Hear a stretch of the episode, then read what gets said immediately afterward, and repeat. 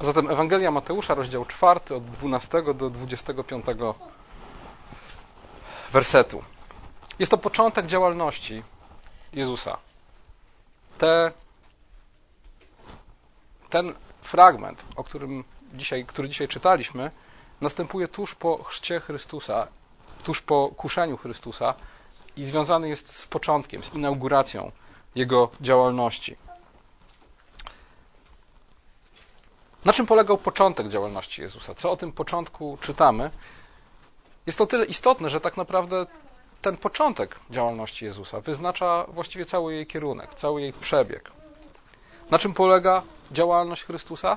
Na zwiastowaniu. Chrystus przyszedł po to, aby zwiastować Słowo, aby zwiastować Ewangelię o Królestwie i aby to Słowo potwierdzić różnego rodzaju znakami. Znakiem były uzdrowienia, których Chrystus dokonywał, znakiem były cuda, których dokonywał, przemiana wody w wino, a najpotężniejszym, najbardziej przemawiającym do wyobraźni znakiem była jego śmierć na krzyżu. Oczywiście wiemy, że każda z tych rzeczy była nie tylko znakiem, była też konkretnym działaniem skutecznej mocy Bożej. Wiemy, że śmierć Chrystusa na krzyżu to nie tylko znak, ale to też rzeczywiste odkupienie i prawdziwa ofiara. Wiemy, że uzdrowienia to nie tylko znaki, ale to, to, to rzeczywista moc Boża, która zmieniała życie konkretnych ludzi. Ten schemat, słuchajcie, a więc słowo i znak, który je potwierdza, powtarza się w całej działalności, w całym życiu, w całej służbie Kościoła. Winniśmy zwiastować słowo, które Bóg potwierdza znakiem na rozmaite sposoby. Takim znakiem potwierdzającym słowo w życiu Kościoła jest sakrament, jest chrzest i wieczerza pańska. Takim znakiem potwierdzającym zwiastowane słowo jest braterska miłość.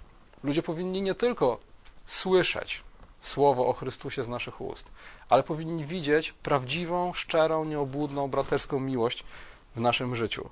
I wreszcie ludzie powinni widzieć cuda, które Bóg działa pośród nas.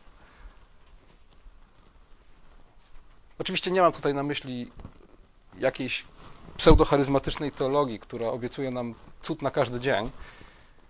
Niemniej jednak oczekujemy cudu i modlimy się o cud wielokrotnie.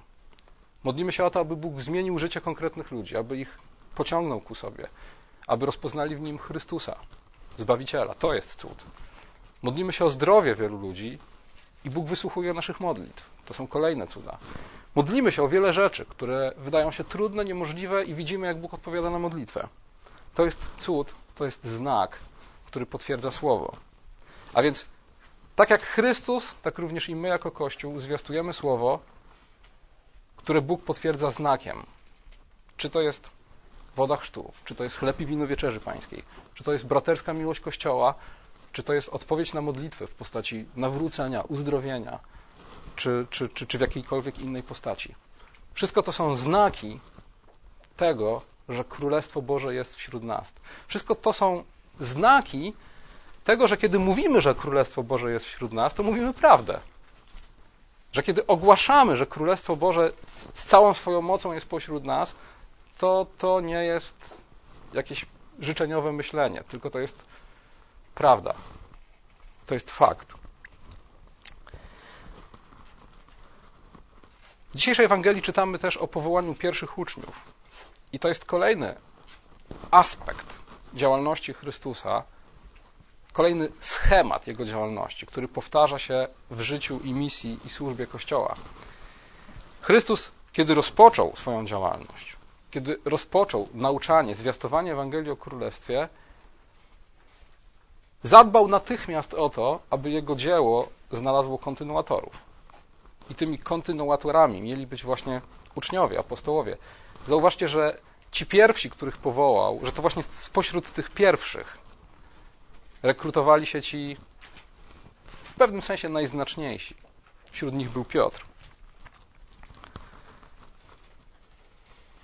My jako Kościół, kiedy zwiastujemy Ewangelię o Królestwie, też powinniśmy czynić ludzi uczniami Chrystusa, myśląc o tym, kto zastąpi nas, kiedy nas tutaj na ziemi zabraknie.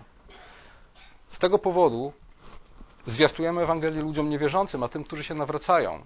Prowadzimy ich do dojrzałości. Chcemy, by wzrastali w Chrystusie, by Chrystusa poznawali, by swoje życie poddawali Jemu, by też uczyli się i coraz więcej wiedzieli na temat Chrystusa i Jego Ewangelii. Ale dokładnie to samo robimy ucząc nasze dzieci. Po to, aby wyrosły na dojrzałych naśladowców Chrystusa, na Jego uczniów, po to, aby one mogły dalej robić to, co dzisiaj robimy my. A więc zwiastować słowo, które Bóg potwierdza swoimi znakami. Ale słuchajcie, tak naprawdę chciałbym się skupić dzisiaj na tym, co jest treścią Chrystusowego zwiastowania. Treścią Chrystusowej służby jest zwiastowanie, a treścią Chrystusowej służby, treścią Chrystusowego zwiastowania jest królestwo. Czytamy w dzisiejszym fragmencie, że Chrystus chodził głosząc Ewangelię o Królestwie. Słowo Ewangelia, słowa Królestwa, one są tak oswojone, znamy je tak dobrze, że czytając w Biblii sformułowanie Ewangelia o Królestwie, być może niewiele czasu poświęciliśmy na to, aby się zastanowić, co to tak naprawdę znaczy.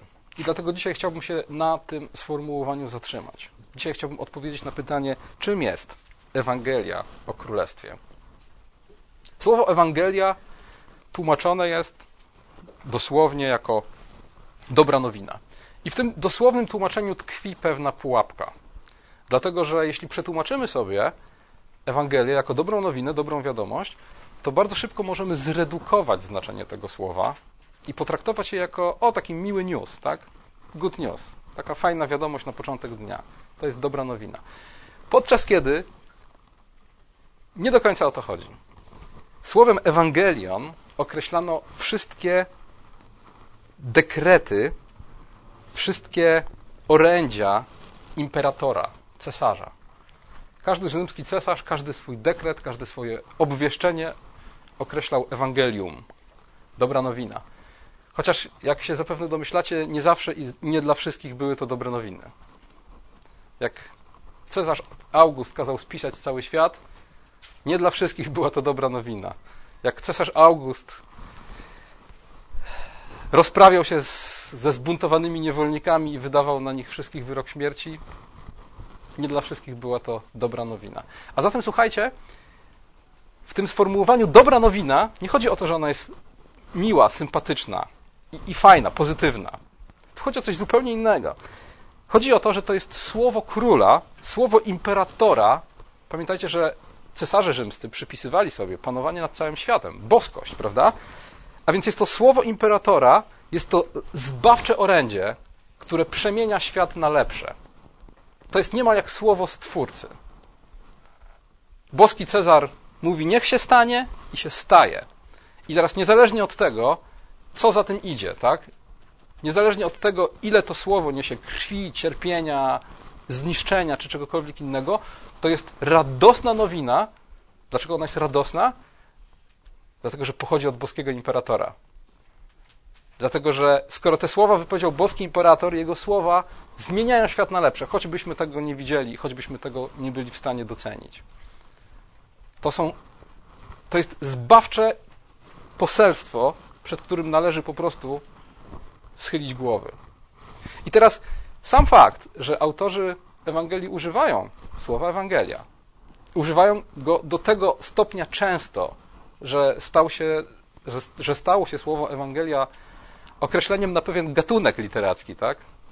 czyli historię życia Jezusa, sam fakt powinien nam mówić o tym, w jaki sposób ewangeliści i apostołowie rozumieli poselstwo Chrystusa.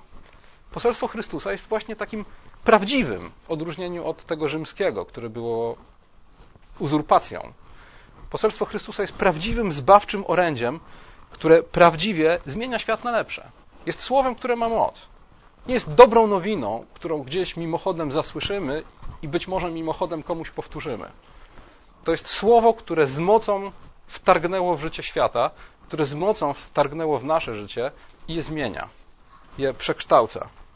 Jest tym, co sprawia, że pustynia zmienia się w kwitnący ogród. To jest prawdziwe Ewangelium. To jest prawdziwa dobra nowina.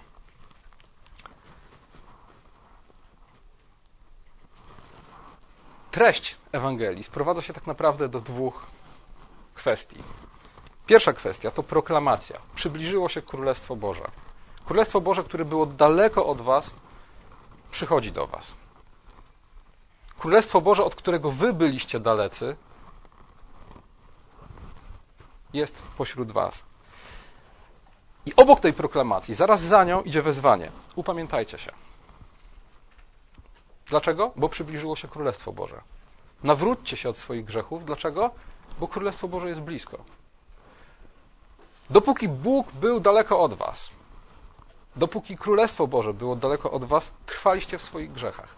Ale teraz jest czas nawrócenia, bo zbliża się Królestwo Boże. Nawróćcie się do Króla. I słuchajcie, wracając do tego, czym jest Ewangelia, tak? czym jest to poselstwo. Ono będzie radosne dla was, jeśli się do niego nawrócicie. Król wzywa do nawrócenia. Biada tym, którzy tego wezwania nie posłuchają. Imperator ogłasza swoje słowo, biada tym, którzy się temu słowu nie podporządkowują. Biada tym, których Królestwo Boże nadchodzące w mocy zastanie pozostających w ich grzechach. Wiemy, czym jest Ewangelia w takim razie. A teraz, czym jest Królestwo Boże? Królestwo Boże, słuchajcie, to, to jest w ogóle główny motyw Chrystusowego zwiastowania. Tak naprawdę na pytanie, co miał Chrystus ludziom do powiedzenia, co przyszedł ogłosić, powinniśmy automatycznie odpowiadać Królestwo Boże. Bo Królestwo Boże to jest główny motyw wszystkich mów, wszystkich kazań Chrystusa. Pojawia się ona aż 122 razy w Nowym Testamencie, ale uwaga, aż 99 razy spośród tych 122 to są Ewangelie synoptyczne.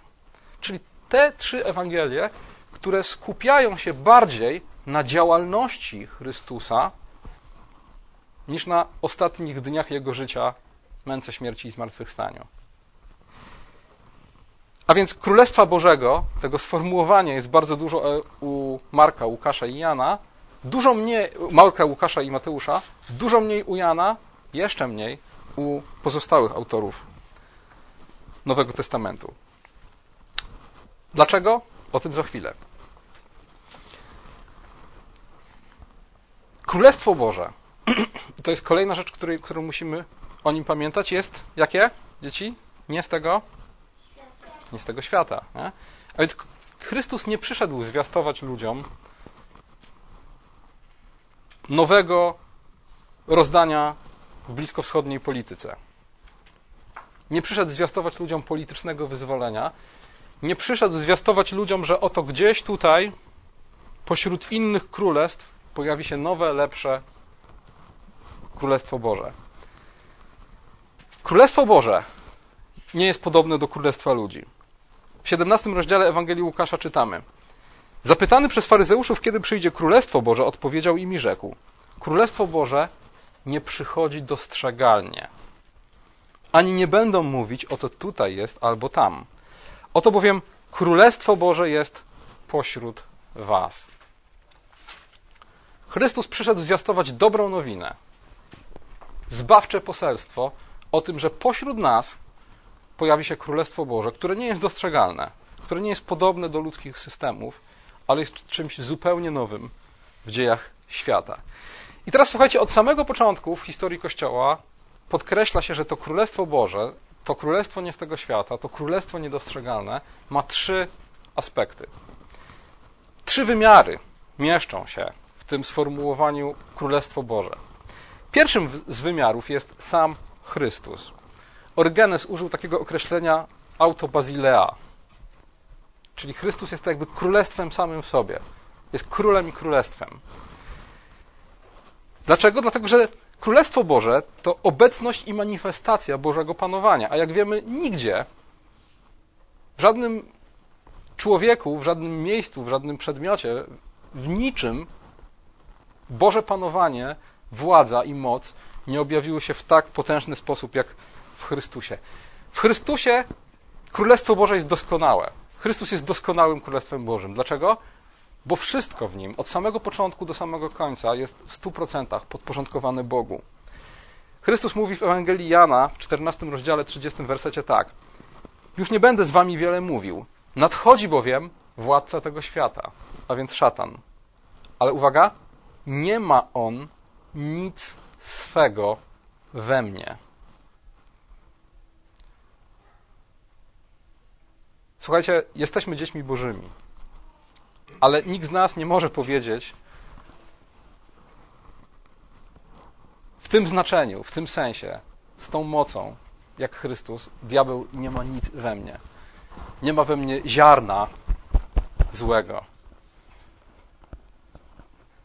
Chrystus to jest Królestwo Boże w pigułce. Chrystus mógł powiedzieć o sobie: Przychodzi diabeł, ale on nie ma nic do mnie.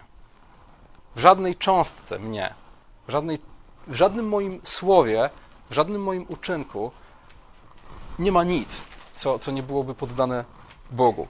I dlatego Chrystus jest doskonałym królestwem. I dlatego, słuchajcie, nie powinno nas dziwić to, że nagle ni stąd, ni zowąd, kiedy kończą się Ewangelie synoptyczne i zaczynają się następne księgi pisma, nagle znika nam Królestwo Boże. Co to znaczy? Czy to znaczy, że Nowy Testament nagle zmienia temat, że odtąd już nie mówimy o Królestwie Bożym, tylko o czymś innym? Nie. Od tej pory mówimy o Chrystusie głównie. Ale to dlatego, że Chrystus jest Królestwem Bożym, które nadeszło. I tak naprawdę wszystkie teksty, które mówią o Chrystusie po Jego zmartwychwstaniu, są tekstami o Królestwie Bożym, o tym, w jaki sposób ono zrealizowało się w Chrystusie, a przez Chrystusa w nas. I dlatego w liście do Filipian czytamy, że istotą Ewangelii jest co? Królestwo Boże, czyli Chrystus w Was, nadzieja chwały. I w ten sposób przechodzimy do drugiego aspektu tego, czym jest Królestwo Boże. Królestwo Boże w Was jest. Królestwo Boże jest pośród Was. Co to znaczy? To znaczy, że tam, gdzie ludzie usłyszawszy dobrą nowinę o Królestwie, nawracają się ze swoich grzechów i oddają swoje życie Chrystusowi, tam Królestwo Boże nastaje i panuje w sposób nowy, w sposób, jakiego nie było przed Jego przyjściem. Tam rodzi się Kościół, tam rodzi się ciało Chrystusowe, tam Chrystus w naszych sercach, w naszych rodzinach, w naszych domach jest królem. A więc każdy, kto oddaje swoje życie Chrystusowi, każdy, kto każdego dnia odwraca się od swoich grzechów i pragnie służyć Chrystusowi, każdy z nas jest częścią tego królestwa. W każdym z nas to królestwo jest i działa. I w ten sposób przechodzimy do trzeciego aspektu Kościół. Kościół jest królestwem Bożym. To jest w ogóle ciekawe pytanie, czy, kość, czy Królestwo Boże równa się Kościół dzisiaj na świecie? Czy to jest synonim, czy to jest to samo?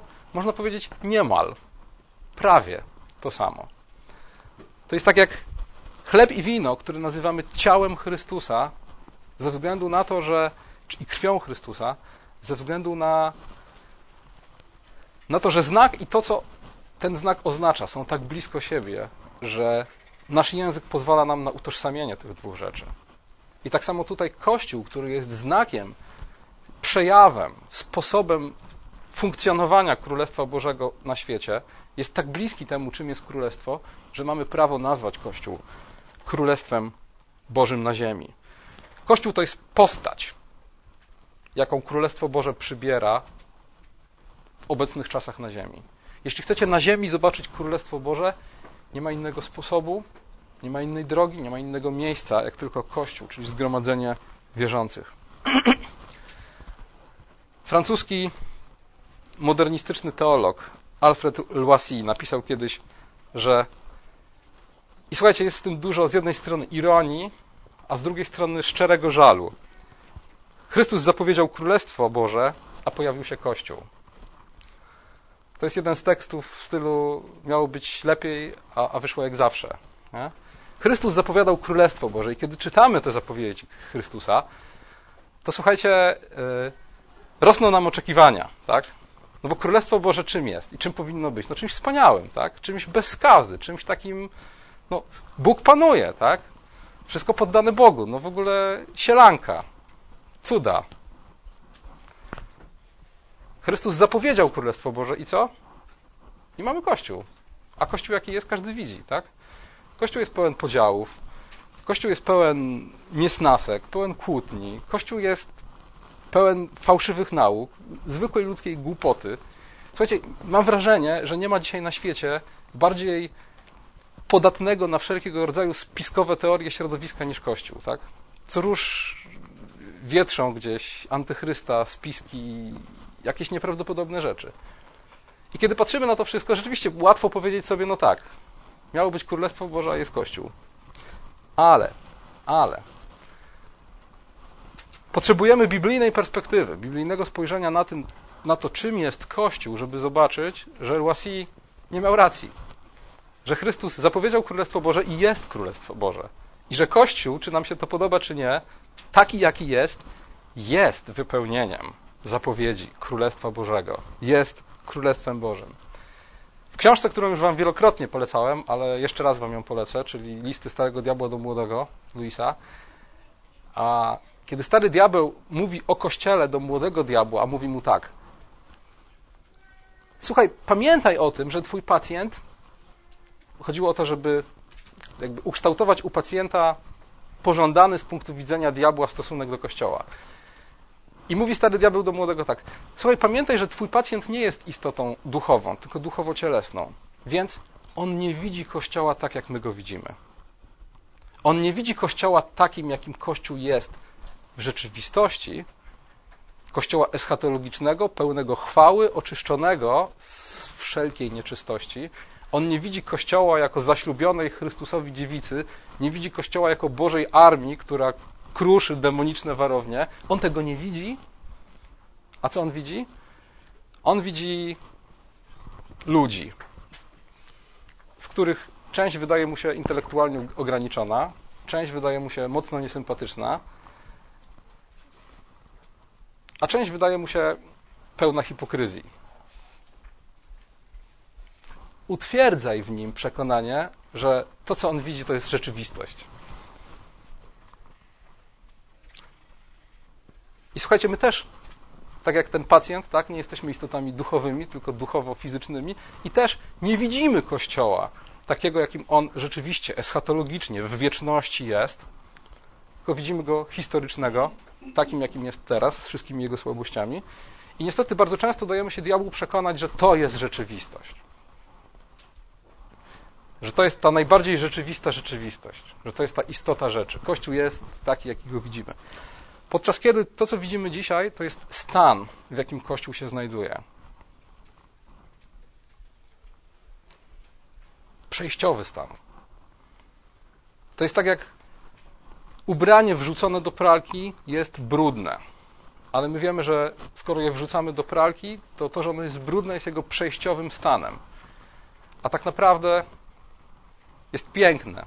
I kiedy tylko je wypierzemy i wysuszymy, na nowo zobaczymy, jak piękne jest.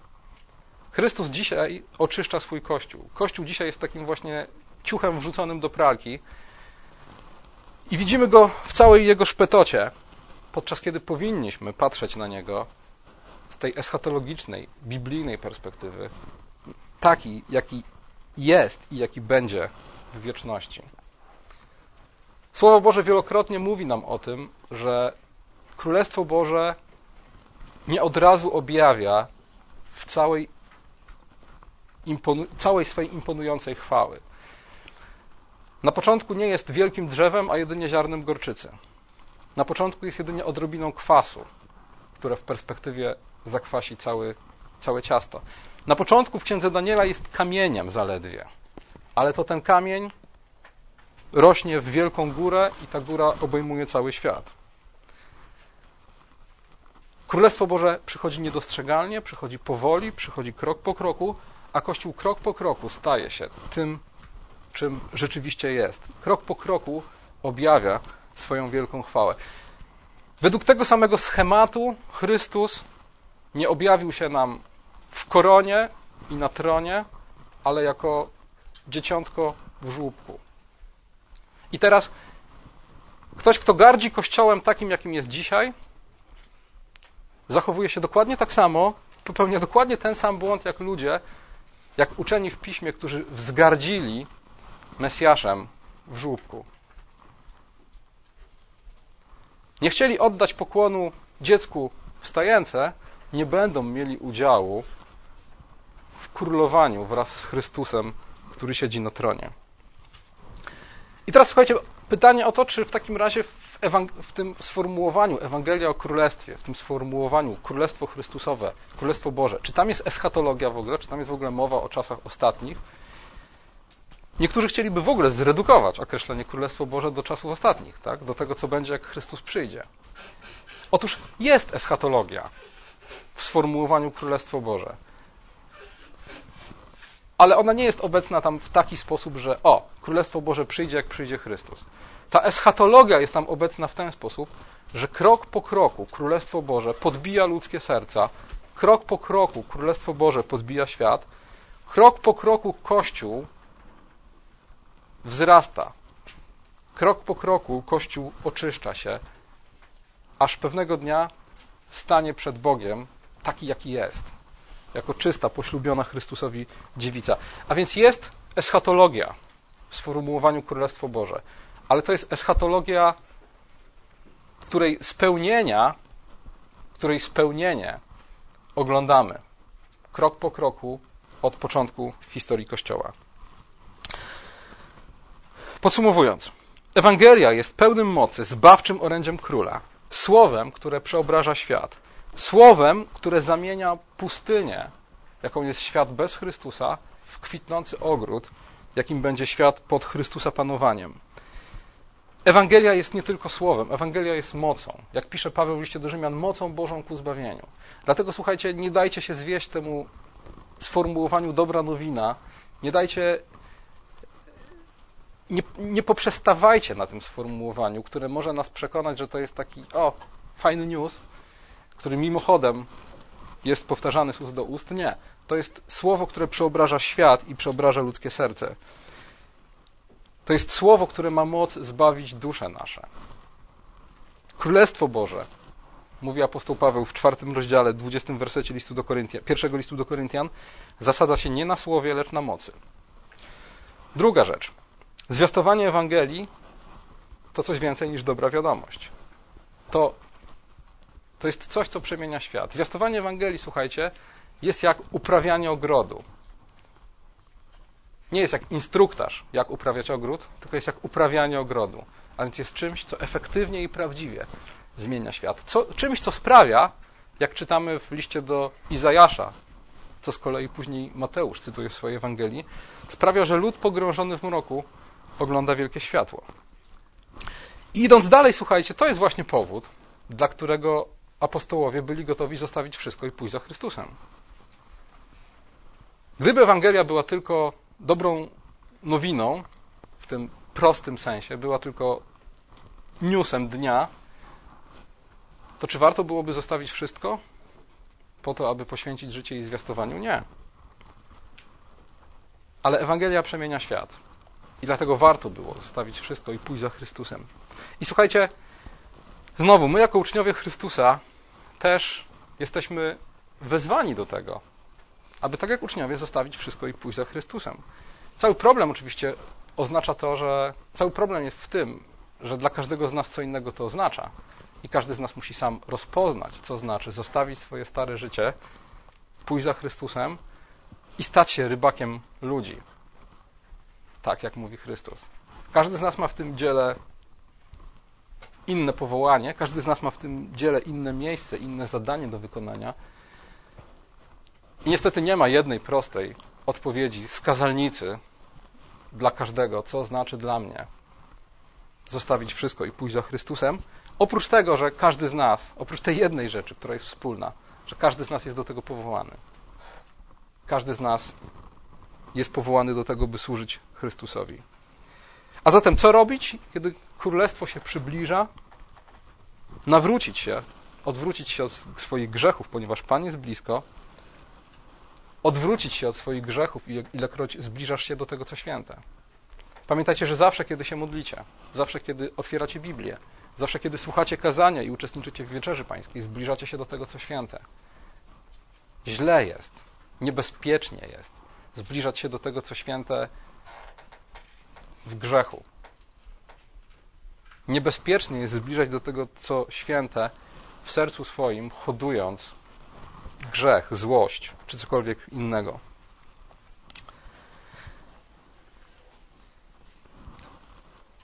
I wreszcie ostatnia rzecz. Pokochaj Kościół jako Królestwo Boże pośród nas. Pokochaj Kościół taki, jaki jest dzisiaj, gdzie, gdzie ciągle jeszcze bardziej przypomina ziarno niż wielkie drzewo, ponieważ to jest prawdziwe Królestwo Boże pośród nas i innego Królestwa Bożego na świecie nie znajdziesz. Bo i znowu apostoł Paweł. Słuchajcie, Królestwo Boże, apostoł Paweł w pewnym momencie pisze o, o w liście do Rzymian o kontrowersji wokół pokarmów. Tak? Czy wolno, czy nie wolno spożywać tego rodzaju pokarmów w taki sposób tego dnia. I mówi tak. Ok, poświęcamy temu wszystkiemu mnóstwo czasu, poświęcamy temu wszystkiemu mnóstwo uwagi, ale Królestwo Boże to nie pokarm i napój. A więc Królestwo Boże, słuchajcie, ta, ta istota rzeczy, ta, to, co jest tak naprawdę istotą Chrystusowego zwiastowania, to nie są te drugo- i trzeciorzędne rzeczy, o które się dzisiaj spieracie. Królestwo Boże to sprawiedliwość i pokój i radość w Duchu Świętym. Amen. Powstańcie proszę.